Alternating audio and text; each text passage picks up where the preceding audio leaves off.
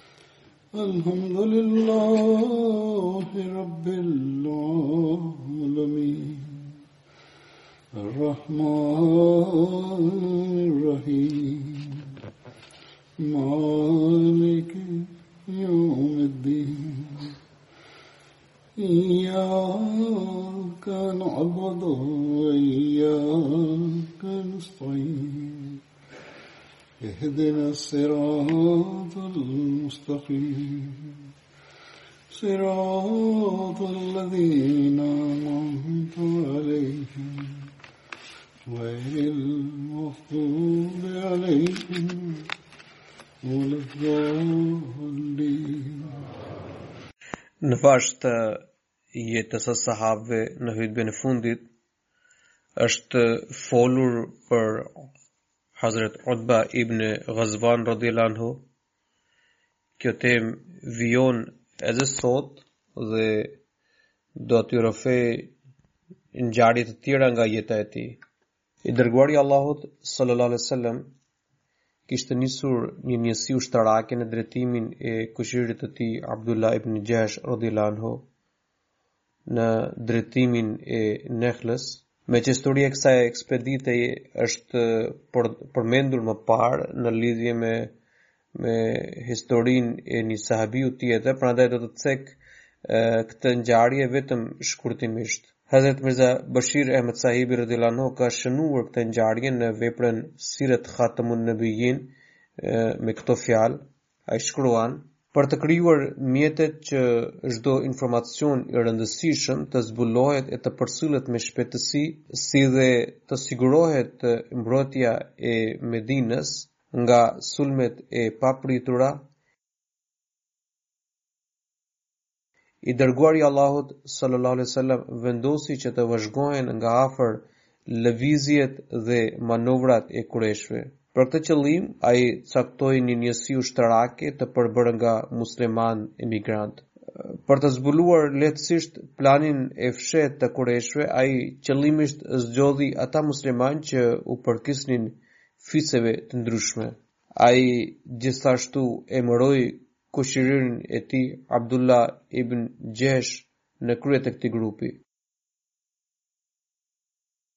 Teksa e përcillte këtë njësi ushtarake, Profeti sallallahu alejhi wasallam ende nuk ia tregoi kryetarit të tyre destinacionin apo synimin e dhe misionin e tyre. Ai thjesht i dorëzoi një zarf të mbyllur dhe tregoi se e, në të gjendeshin udhëzimet për të. Ai gjithashtu porositi që të hapnin zarfin vetëm atëherë kur kanë kryer dy ditë rrugë nga Medina dhe të vepronin sipas porosive të shënuara. Kur kishin udhëtuar dy ditë radhazi larg Medinës, Abdullahu hapi zarfin dhe gjeti këto fjalë, Shkoni në luginën Nakhla që ndodhet në mes të Mekës dhe Taifit dhe mësoni gjendjen e Kureshëve dhe na lajmëroni nga qëllimet e tyre. Në fund të shkrimit gjendej një shënim Pasi që janë njohur me objektivën e këtij misioni, nëse dikush nga shokët tuaj nuk dëshiron të jetë anëtar i këtij grupi, ai le të kthehet. Abdullahu radhiyallahu anhu ua lexoi këto porosi shokëve të tij dhe që të gjithë u shprehën Një zëri se janë të gatshëm për këtë detyrë. Pas kësaj, ata u nisën drejt Luginës së Nehles, por rrugës Saad ibn Vekasi radhiyallahu anhu dhe Utba ibn Ghazvani radhiyallahu anhu humbën devet e tyre. Teksa po kërkonin devet, ata u ndanë dhe u larguan akoma më shumë nga grupi tjetër dhe pavarësisht shumë mundimeve nuk arritën të bashkoheshin me shokët e tyre. Kështu, grupi i tyre mbeti vetëm me 6 anëtarë. Këtu Hazret Mirza Bashir Ahmedi radhiyallahu anhu i është kundërpërgjigjur një orientalisti, e, e, Margoles, i cili ka shkruar se Saad ibn Vekasi dhe Utba ibn Ghazvani radhiyallahu anhum kishin lëshuar qëllimisht devet e tyre dhe pastaj kishin sajuar histori të rreme. por një akuzë kaq e shpifur kundër dy figurave shembullore dhe besnike të Islamit, të cilët kaluan çdo çast të jetës me trimëri dhe vetëmohim për hir të Islamit, mund t'i përkasë vetëm një soji të zoti Margolesit.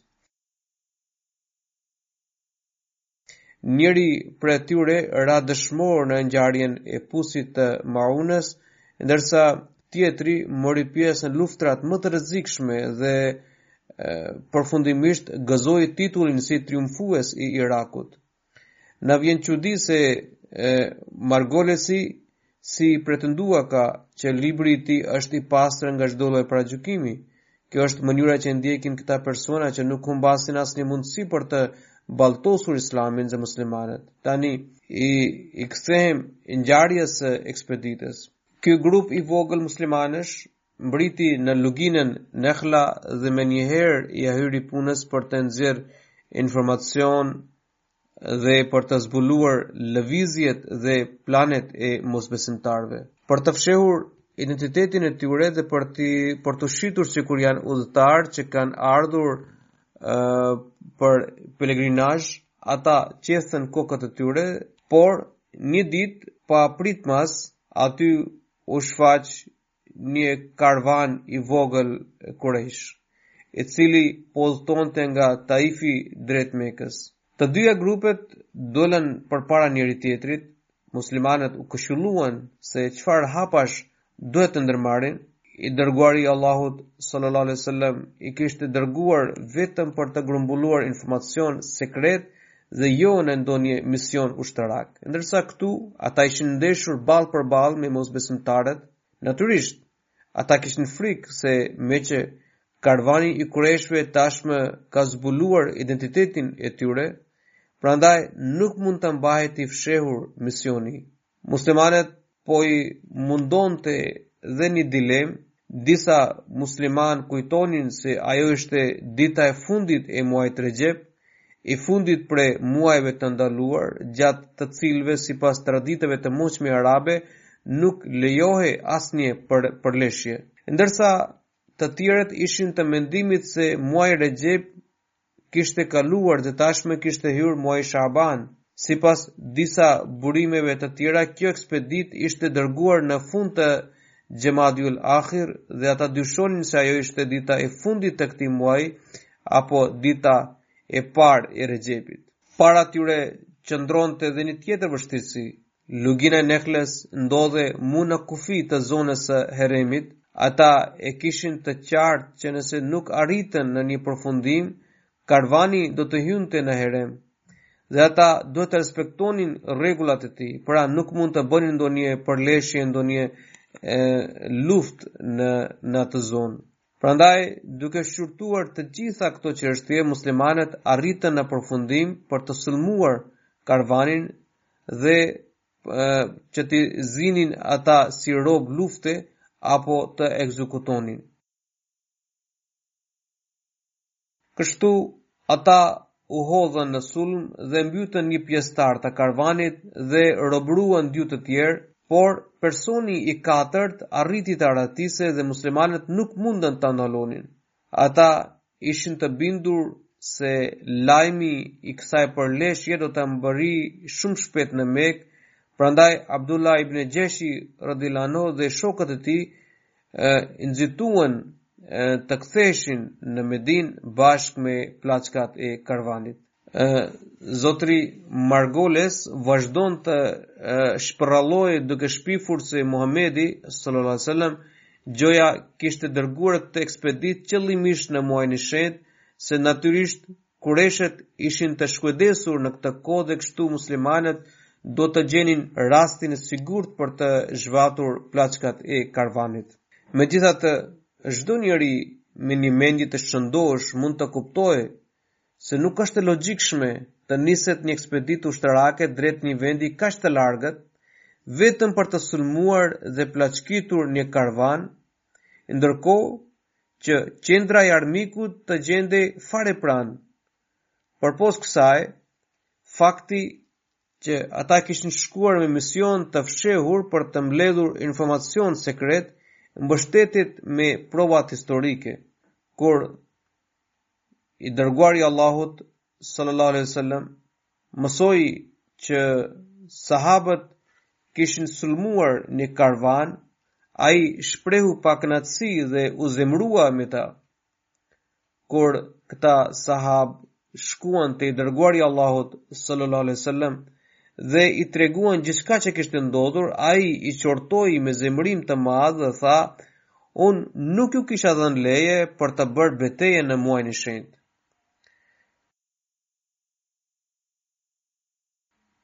Pra, ata s'kishin të drejtë për të ushtruar dhunë gjatë muajit të shenjtë. Madje profeti refuzoi të prekte plaçkat e luftës. Hazrat Abdullah ibn Xheshi radhiyallahu anhu dhe shokët e tij shprehën keqardhje dhe u penduan për sjelljen e tyre. Ata mendonin se duke tërhequr zemërimin e Zotit dhe të të dërguarit të tij, sallallahu alaihi wasallam, ata janë dënuar me ndëshkim e shkatërrim. Sahabët gjithashtu i qortuan për veprën e tyre. Në anën tjetër, kureshët gjithashtu bënë zhurmë të madhe për shkeljen e shenjtërisë së muajit Harem, madje Personi që ishte mbytur në sulmin e muslimanëve quhej Amr ibn al-Hizremi, i cili konsiderohej prej krerëve të kureshve dhe ishte aleat i Utba ibn Rabias, i cili ishte kreu i Mekës. Kjo ngjarje vetëm ua shtoi kureshve në inat dhe mllef dhe ata u angazhuan me një vrull të madh në përgatitje për një sulm vendimtar ndaj Medinës. Kjo ngjarje ndezi diskutime të zjarrta si në kampin e muslimanëve, po ashtu në rrethin e kureshëve dhe përfundimisht Allahu shpalli një ajet kuranor që i qetësoi zemrat e muslimanëve dhe ua lehtë, ua lehtësoi gjendjen.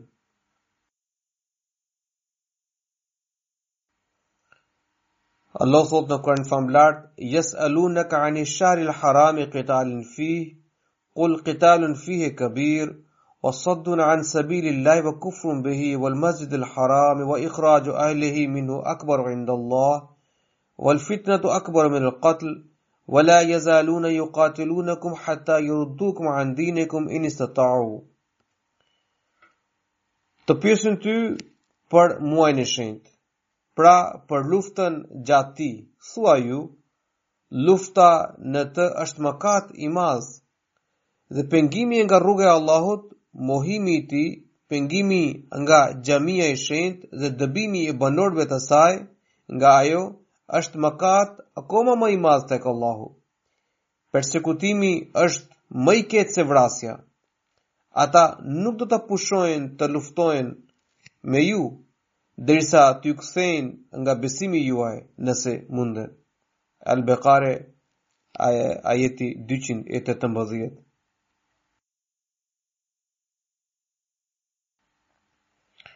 Historia tregon se krerët e kureshve nuk ndalnin pro, e, propagandan e tyre armitësore dhe demagogjike kundër muslimanëve edhe gjatë muajve të shenjtë. Madje, duke përfituar nga tubimet dhe pelegrinazhet e këtyre muajve, Ata ashpërsonin veprimtarinë e tyre shpifëse dhe me një patrupësi të madhe e ngushëllonin veten duke lëvizur rënditjen e muajve sipas qejfit të tyre që qe pra një praktikë mashtruese që e quanin nesi.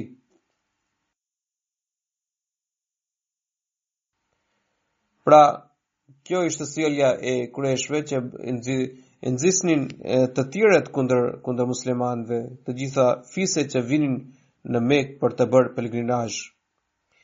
Pra, poshtërsia e kureshve arriti në kulm kur gjatë periudhës së paqes Ata e kishin nënshkruar marrëveshjen e Hudejbijes me palën muslimane dhe ishin betuar se do t'u nënshtroheshin kushteve të pajtimit, ata kundër çdo kriterit çdo kriteri moral sulmuan fisin aleat të muslimanëve mu brenda kufijve të haremit, ndërsa kur muslimanët dolën për të ndihmuar këtë fis kundër agresionit të kureshve, ata ngritën shpatat edhe ndaj atyre po brenda zonës së haremit.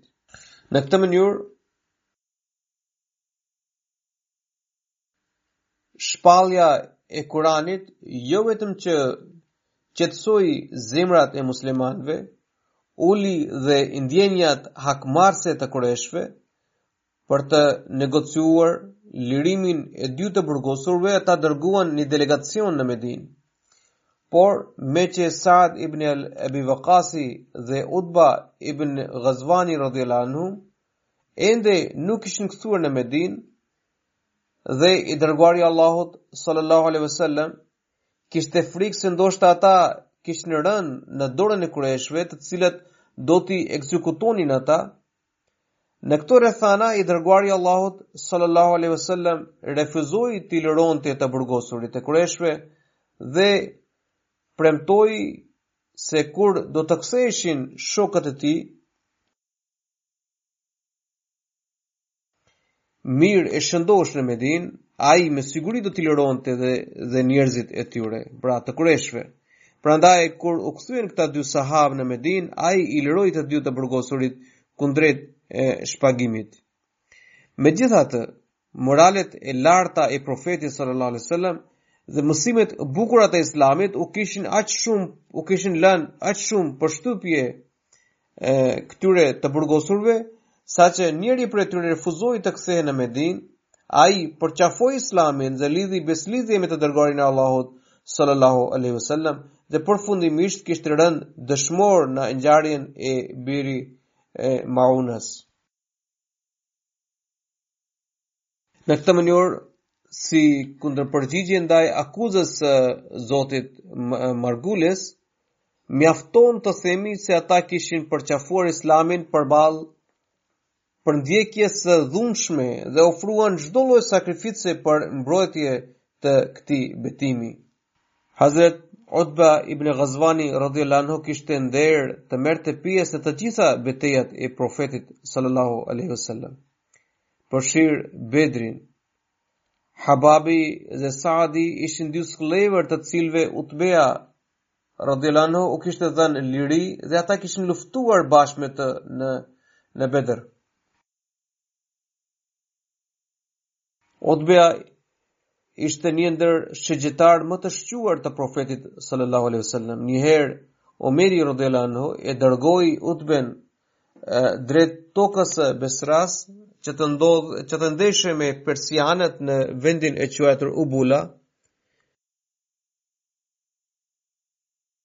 Para se t'i përcillte ata, Omeri radhiyallahu anhu i dha një porosi dhe i tha: Ju dhe shokët tuaj duhet të marshojnë përpara derisa të mbërrijnë në skajin më të fundit të tokës arabe dhe në fillim të tokës jo arabe. Vazhdoni përpara me bekimin dhe mirësinë e Allahut dhe në fillim dhe frikësojuni vetëm Allahut. Të dini se do të përballeni me një kundërshtar të ashpër. Unë jam i bindur se Allahu i Madhërishëm do t'ju do t'ju ndihmojë fuqimisht kundër tyre. Unë gjithashtu i kam shkruar Ala ibn Hazremit që t'ju ndihmojë me anë të Erfexhe ibn Hersemes, sepse ai ka përvojë të madhe dhe është i kalitur në taktikat luftarake. Pastaj Omeri radhiyallahu anhu e porositi, vepro duke u këshilluar dhe fto njerëzit drejt Allahut. Pranoje pendimin e atij që e dëshmon për vërtetësinë e Islamit, ndërsa atij që e refuzon Islamin kërkoji taksën e xhizjes, të cilët të cilën ai e paguan me përulësi. Nëse ai refuzon të paguajë këtë taksë, duhet të shpallësh luftë kundër tij, pra nëse ai nuk dëshiron të pranojë Islamin dhe as nuk pranon të paguajë xhizjen, atëherë si kundërpërgjigje ndaj mosbindjes së tij, keni të drejtë të luftoni me të. Kudo që shkoni, Kudo që shkelni tokën e arabëve, e nxisni ata për xhihad. Silluni me vigjilencë dhe frikësojuni Allahut, Zotit tuaj. Hazret Omeri radhiyallahu anhu përsoli Utben radhiyallahu anhu bashkë me tetëqind ushtarë të tjerë në drejtim të Basras. Më vonë Ai dërgoi dhe forcime të tjera ushtarake. Utbja radhiyallahu anhu triumfoi, Ubullen dhe aty shënoi kufijtë e qytetit Basra. Ishte ai që vuri themelet e këtij qyteti dhe e zhvilloi atë. Kur Omeri radhiyallahu anhu e kishte caktuar Utben ibn Ghazwanin radhiyallahu anhu si guvernator për Besre, fillimisht ai kishte qëndruar në Kharibe, një qytet të vjetër të Persisë. Persianët e quanin këtë qytet Vashita Baz Urdësher, ndërsa arabët e njihnin me emrin Kharibe. Lufta e Xhemelit ishte gjithashtu zhvilluar në këtë vend. Hazret Utbe radhiyallahu anhu në një letër drejtuar Hazret Umerit radhiyallahu anhu shkroi se ushtria muslimane kishte të pamundur që të kalonte stinën e dimrit në atë vend apo për të zgjedhur atë si bazë ku ata mund të ktheheshin pas pjesëmarrjes në fushatat ushtarake. Pra, meqë kishte një temperaturë shumë të ulët dhe ishte një vend i ftohtë, ai e konsideroi të papërshtatshëm atë qytet për atë vend për qëndrimin e muslimanëve, pra ushtarëve muslimanë. Si përgjigje ndaj letrës së tij, Hazrat Omeri radhiyallahu anhu porositi për të kërkuar një vend që gjendet afër burimeve ujërore dhe kullotave natyrore. Pas porosive dhe sipas porosive të kalifit, Utbe radhiyallahu anhu vendosi ta zgjidhte Besran si bazë ushtarake. Muslimanët ndërtuan kasolle bambuje në Basra, ndërsa në vitin 14 pas hixhretit, Utbe radhiyallahu anhu nisi ndërtimin e një xhamie po me materialet nga bambuja. Ai gjithashtu urdhëroi për një banesë për guvernator në një truall të hapur pranë xhamisë. Muslimanët para se të niseshin për luftë çmontonin kasollet e tyre prej bambuje edhe i ruanin të mbledhur, ndërsa kur ktheheshin nga lufta i ndërtonin pra e, e i montonin ata sërish. Më vonë, njerëzit filluan të, të ndërtonin shtëpi me materiale të përhershme. Utbja radiallahu anhu porositi Mihxhen, Mihxhen ibn Edre për të nisur ndërtimin e një xhamie qendrore, i cili hodhi themelet e xhamisë qendrore në Basra, në ndërtimin e saj u përdorën trungje bambuje.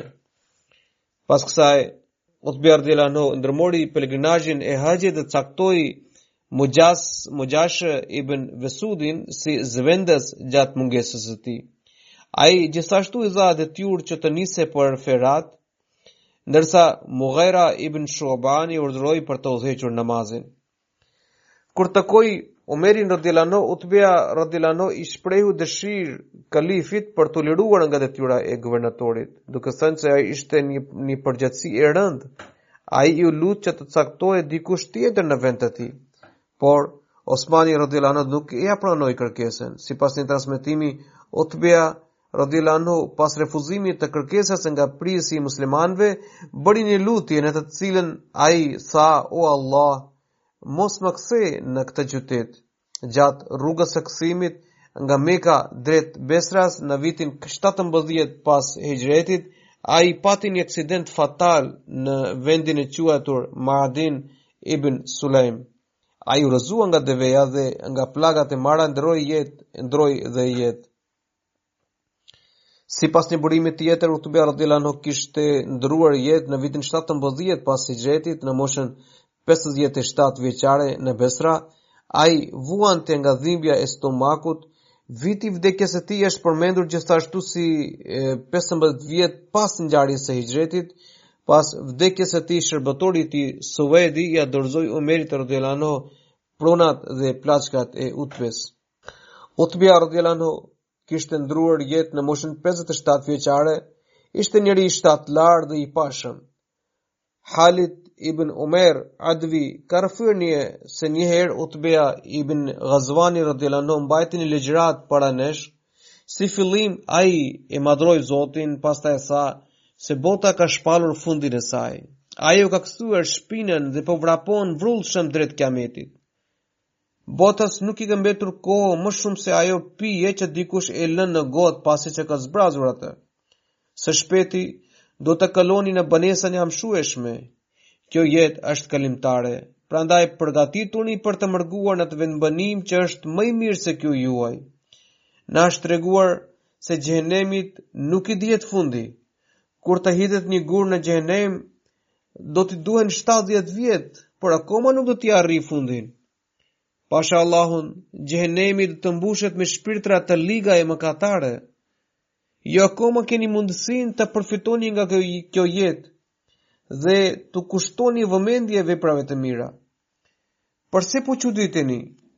Derisa Allahu ju ka treguar se hapësira medis dy kapakëve të xhehenemit është 40 vjet. Dhe patjetër do të të, mbush, të mbushet me njerëz. Unë kam qenë prej atyre shtatë njerëzve të cilat kishin pranuar islamin mu në fillim. Kemi pasur kohë kur jemi ushqyër vetëm me gjethet e pemëve dhe na vriteshin gojat pre, prej tyre. Njëherë gjeta një çarçaf, unë e ndava në dy pjesë për veten dhe Saad ibn Malikun. Kemi pasur kohë që nuk kishim gjë për të mbuluar veten, prandaj çarçafin e bëra dysh që të mbuloheshim unë dhe Saad ibn Maliku. Kjo ishte gjendja jonë në atë kohë, ndërsa sot dikush prej nesh gdhin si kryetar i një qyteti.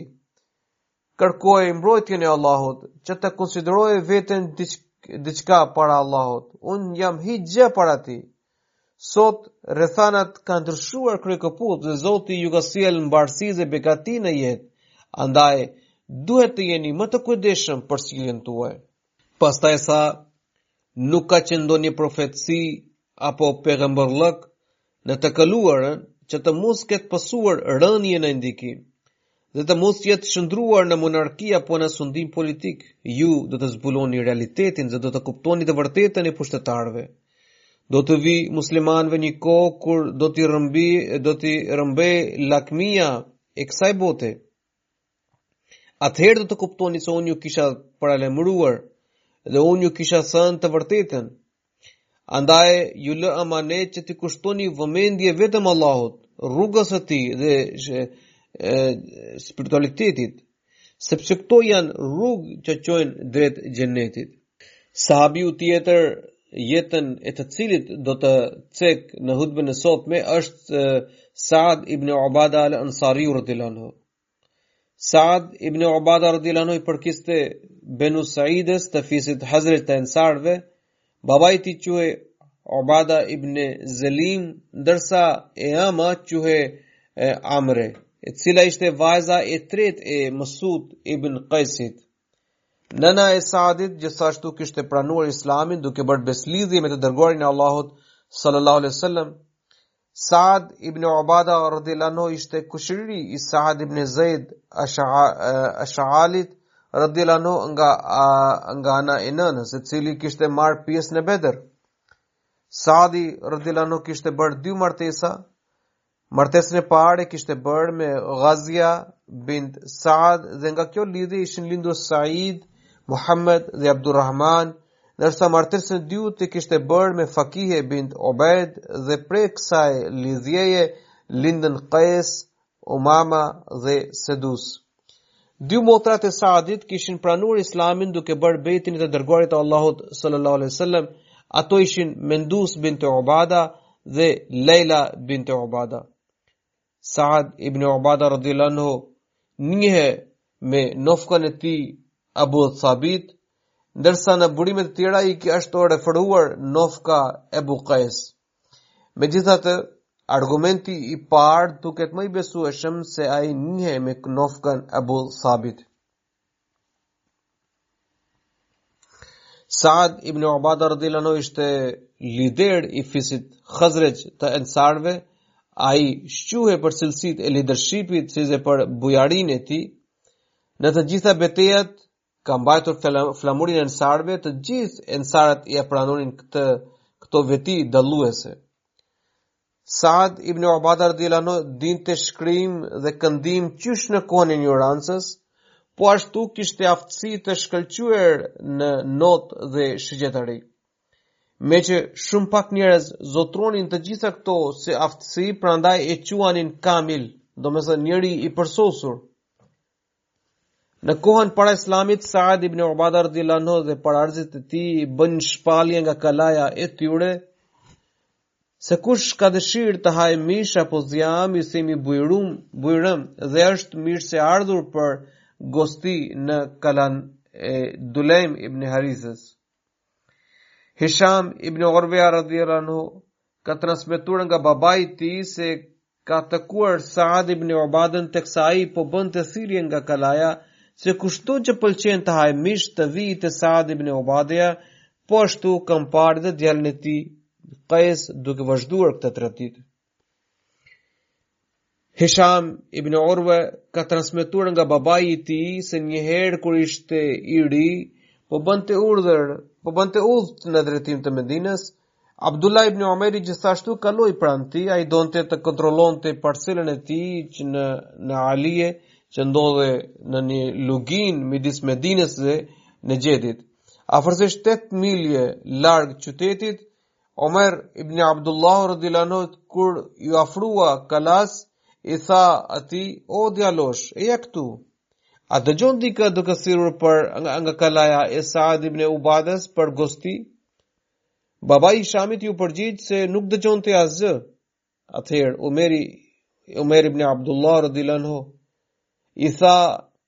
Ke thënë të vërtetën. Ndoshta nuk ka mbetur asnjëri kaq bujar sa ishte Saad ibn Ubada. Nafiu radhiyallahu gjithashtu ka transmetuar se Abdullahu pra Abdullah ibn Umar radhiyallahu kaloi pranë kalasë së Saad ibn Ubades dhe Më tha, o Nafi, paraardhësit e tyre e këtyre banorëve bënin ftesë çdo vit për një gosti të hapur. Lajmëtari njoftonte me këto fjalë kushdo që ka dëshirë, pra që dëshiron të kënaqet me gatimet e mishit, le të vizitojë shtëpinë e Dulemit. Kur vdiq Dulemi, këtë traditë e vijoi Obadia, ndërsa pas vdekjes së Obades, Këtë detyrë e mori Sadi radhiyallahu anhu pas vdekjes së Sadit ishte Qais ibn Sadi radhiyallahu anhu që mbajti të gjallë këtë këtë traditë të bukur familjare pa dyshim Qaisi ishte njeriu më bujar ndër gjithë të tjerët Ky transmetim e bën të qartë këtë histori se kjo traditë kishte vazhduar brez pas brezi, por u zhduk në brezat, brezat pasardhës. Saad ibn Obade radhiyallahu anhu, kishte pranuar kishte pranuar islamin në besëlidhjen e dytë të Uqabas në veprën Sirat Khatmun Nabiyyin sallallahu alaihi wasallam. Kjo ngjarje e rëndësishme është përshkruar me këto fjalë. Ai shkruan: Në vitin 13 pas shpalljes së profetizmit në kohën e haxhit, shumë njerëz nga fiset Aus dhe Khazraj kishin ardhur në Mekë. Ndër këta vizitorë 70 ishin të tillë që tashmë ishin muslimanë ose donin të pranonin Islamin ose së fshehti kishin dëshirë të takonin të dërguarin e Allahut sallallahu alaihi wasallam. Misionari i parë musliman Musab ibn Umeri radhiyallahu anhu gjithashtu i shoqëronte në në këtë udhëtim. Nëna e Musabit e donte shumë djalin e saj, por nuk pranonte të hiqte dorë nga idhujtaria. Kur ajo mësoi për ardhjen e Musa, Musaabit në Mekë, ajo menjëherë i çoi mesazh që në fillim ai duhet të takonte atë, pra nënën e tij, dhe pastaj të shkonte gjithkah. Musaabi gjithashtu si përgjigje njoftoi se pra i përcolli këtë mesazh se akoma nuk nuk e kishte takuar të dërguarin e Allahut sallallahu alaihi wasallam Prandaj do të vinte ai vetëm pasi që ishte takuar me profetin sallallahu alaihi wasallam.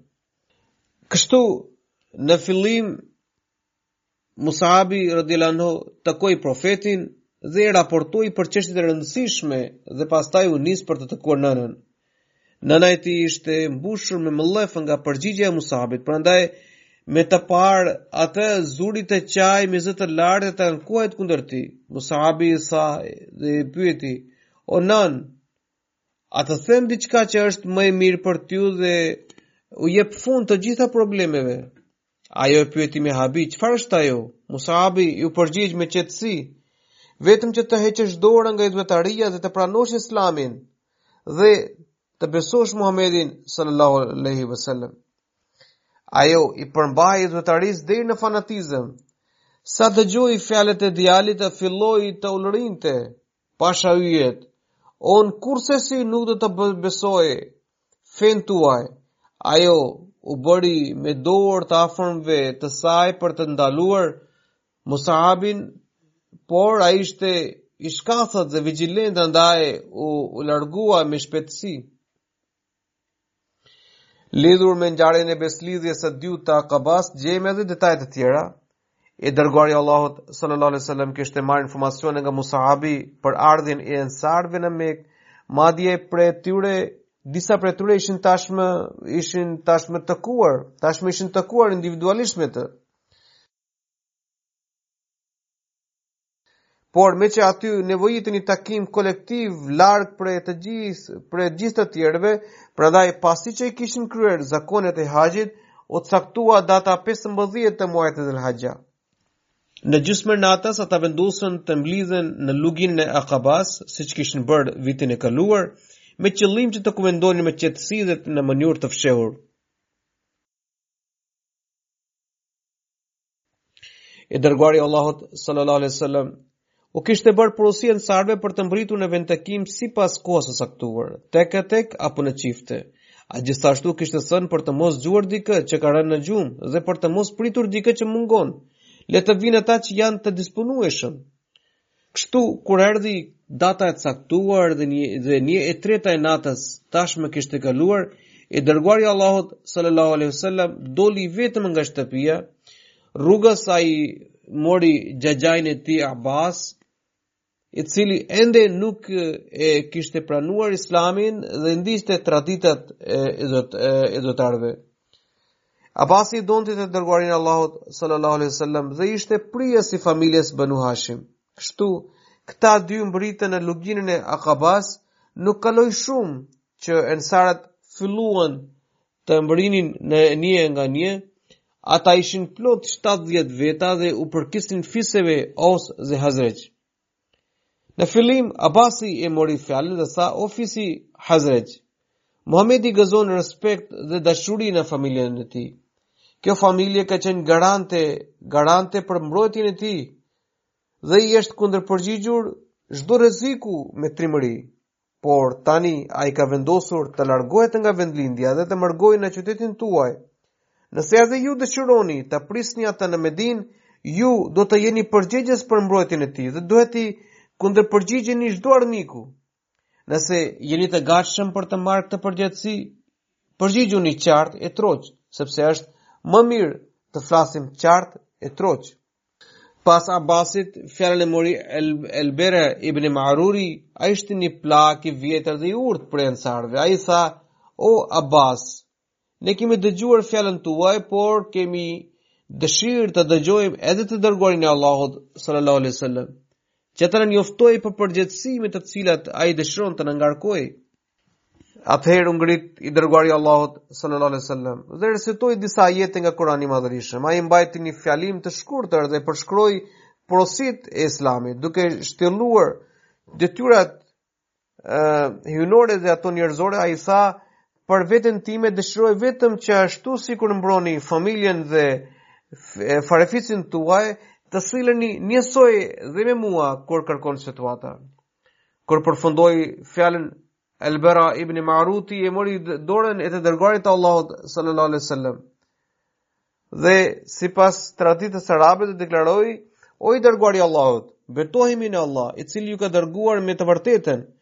Ne do t'ju mbrojmë njësoj sikur mbrojmë veten tonë. Ne jemi rritur në hijen e shpatave, Pra, pa e mbaruar fjalën, ndërhyri Abul Hejshem ibn Tejhani dhe tha, o i dërguari i Allahut, ne kemi marrëdhënie të moçme me hebrenjtë e Medinës, nëse hyjmë në, në besëlidhje me, me ju, do të prishen këto marrëdhënie të vjetra, kemi frikë se kur Allahu do t'ju triumfojë kundër kurejshëve, ju do të na braktisni. Dhe do të ktheheni sërish në vendlindjen tuaj. Kështu do të mbeteni do të mbetemi plotësisht të izoluar dhe të braktisur. I dërguari i Allahut sallallahu alaihi wasallam dëgjoi me fjalën e tij me qetësi dhe buzëqeshi dhe tha, "Jo, kjo nuk do të ndodhë kurrsesi. Gjaku juaj do të jetë gjaku im. Aleatët tuaj do të jenë aleatët e mi dhe armiqtë tuaj do të jenë armiqtë e mi." Abbas ibn Ubada al-Ansari radhiyallahu anhu hodhi një vështrim shokëve të tij dhe pyeti: "O njerëz, a kuptoni se çfarë do të thotë kjo besëlidhje?" Kjo nënkupton se tani duhet të jeni të gatshëm për t'u ballafaquar me çdo popullsi dhe komb. Duhet të jeni të gatshëm për çdo lloj sakrifice. Të gjithë iu përgjigjën njëzëri, ne jemi të vetëdijshëm për rrjedhojën e kësaj besëlidhje, por jo Por o i dërguari i Allahut, me çfarë do të shpërblehemi në këmbim të këtyre sakrificave? I dërguari i Allahut sallallahu alaihi wasallam u përgjigj, ju duhet do të fitoni xhennetin e Allahut, e cila është dhuntia më e madhe ndër të gjitha dhuntitë e Allahut. Të gjithë pranuan këtë marrëveshje dhe thanë: "O i dërguari i Allahut, zgjatni dorën tuaj." Profeti sallallahu alajhi wasallam zgjati dorën dhe ky grup i 70 besnikëve iu nënshtruan atij pra profetit përmes kësaj marrëveshje mbrojtëse. Kjo ngjarje njihet si besëlidhja e dytë e Akabas. Pas përfundimit të betimit i dërguari i Allahut sallallahu alajhi wasallam u tha të pranishmëve Musai alayhis salam kishte zgjedhur 12 nekib në popullin e tij, që shërbenin si mbikëqyrës dhe mbrojtje dhe mbrojtës mbi ta në emër të Musait alayhis salam. Unë gjithashtu dua të caktoj 12 nekib mbi ju, që do t'u ngjajnë 12 dishepujve të Isait alayhis salam dhe do të japin llogari para meje lidhur me përgjegjësinë ndaj popullit të tyre. Kështu profeti sallallahu alajhi wasallam kërkoi sugjerime dhe vendosi 12 persona si nekib ndaj tyre. Pasi që profeti sallallahu alajhi wasallam përfundoi caktimin e nekipëve, xhaxhai i tij Abbas ibn Abdul Muttalib u tërhoqi vëmendjen ensarëve për të vepruar me vigjilencë dhe zgjuarsi, sepse spiunët e kureshve po vëzhgojnë në të gjitha drejtimet. Mos ndodhë që fjalët rreth kësaj besëlidhjeje dhe këtij betimi të përhapen dhe të shfaqen probleme të tjera.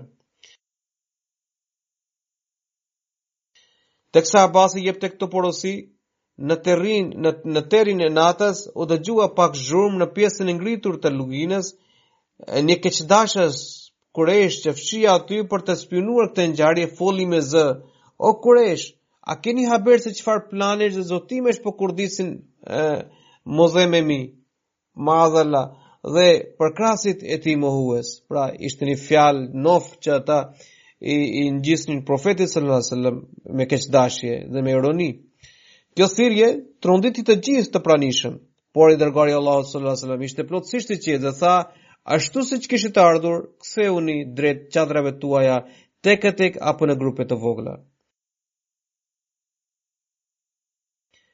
Abbas ibn Nadla al-Ansari radhiyallahu anhu tha: O i dërguari i Allahut, ne nuk i friksohemi askujt. Nëse na jepni leje, ne që sot në mëngjes hidhemi në sulm kundër këtyre kureshve dhe u japim një mësim të mirë për mizoritë e tyre. Por profeti sallallahu alajhi wasallam i përgjigjet se jo, nuk kemi nuk kemi lejuar të ndërmarrim një veprim të tillë. Bëni vetëm kaq sa të shkoni me qetësi drejt çadrave tuaja. Pra kështu, ata të gjithë u kthyen në në vendet e tyre. Kureshët tashmë kishin mësuar se një takim i fshehtë është zhvilluar atë natë. Andaj me të gdhirë, ata shkuan në çadrat e medinasve dhe u thanë, ne kemi marrëdhënie të vjetra dhe nuk duam kurrsesi t'i prishim ato. Por kemi dëgjuar se mbramë keni lidhur një marrëveshje të fshehtë me Muhamedin. Si është kjo çështje? Idhujtarët nga fiset Aus dhe Hazrexh nuk kishin në dijeni për këtë ngjarje. shprehën çudi për këtë informacion dhe mohuan kategorikisht për një gjë të tillë.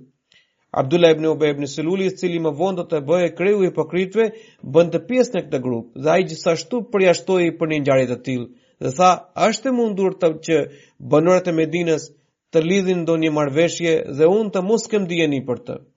Kështu kureshët u bindën dhe u kthyen, por më vonë ata morën informacion të sigurt që një marrëveshje e fshehtë midis muslimanëve dhe midis Muhamedit sallallahu alajhi wasallam dhe kureshëve është hartuar. Prandaj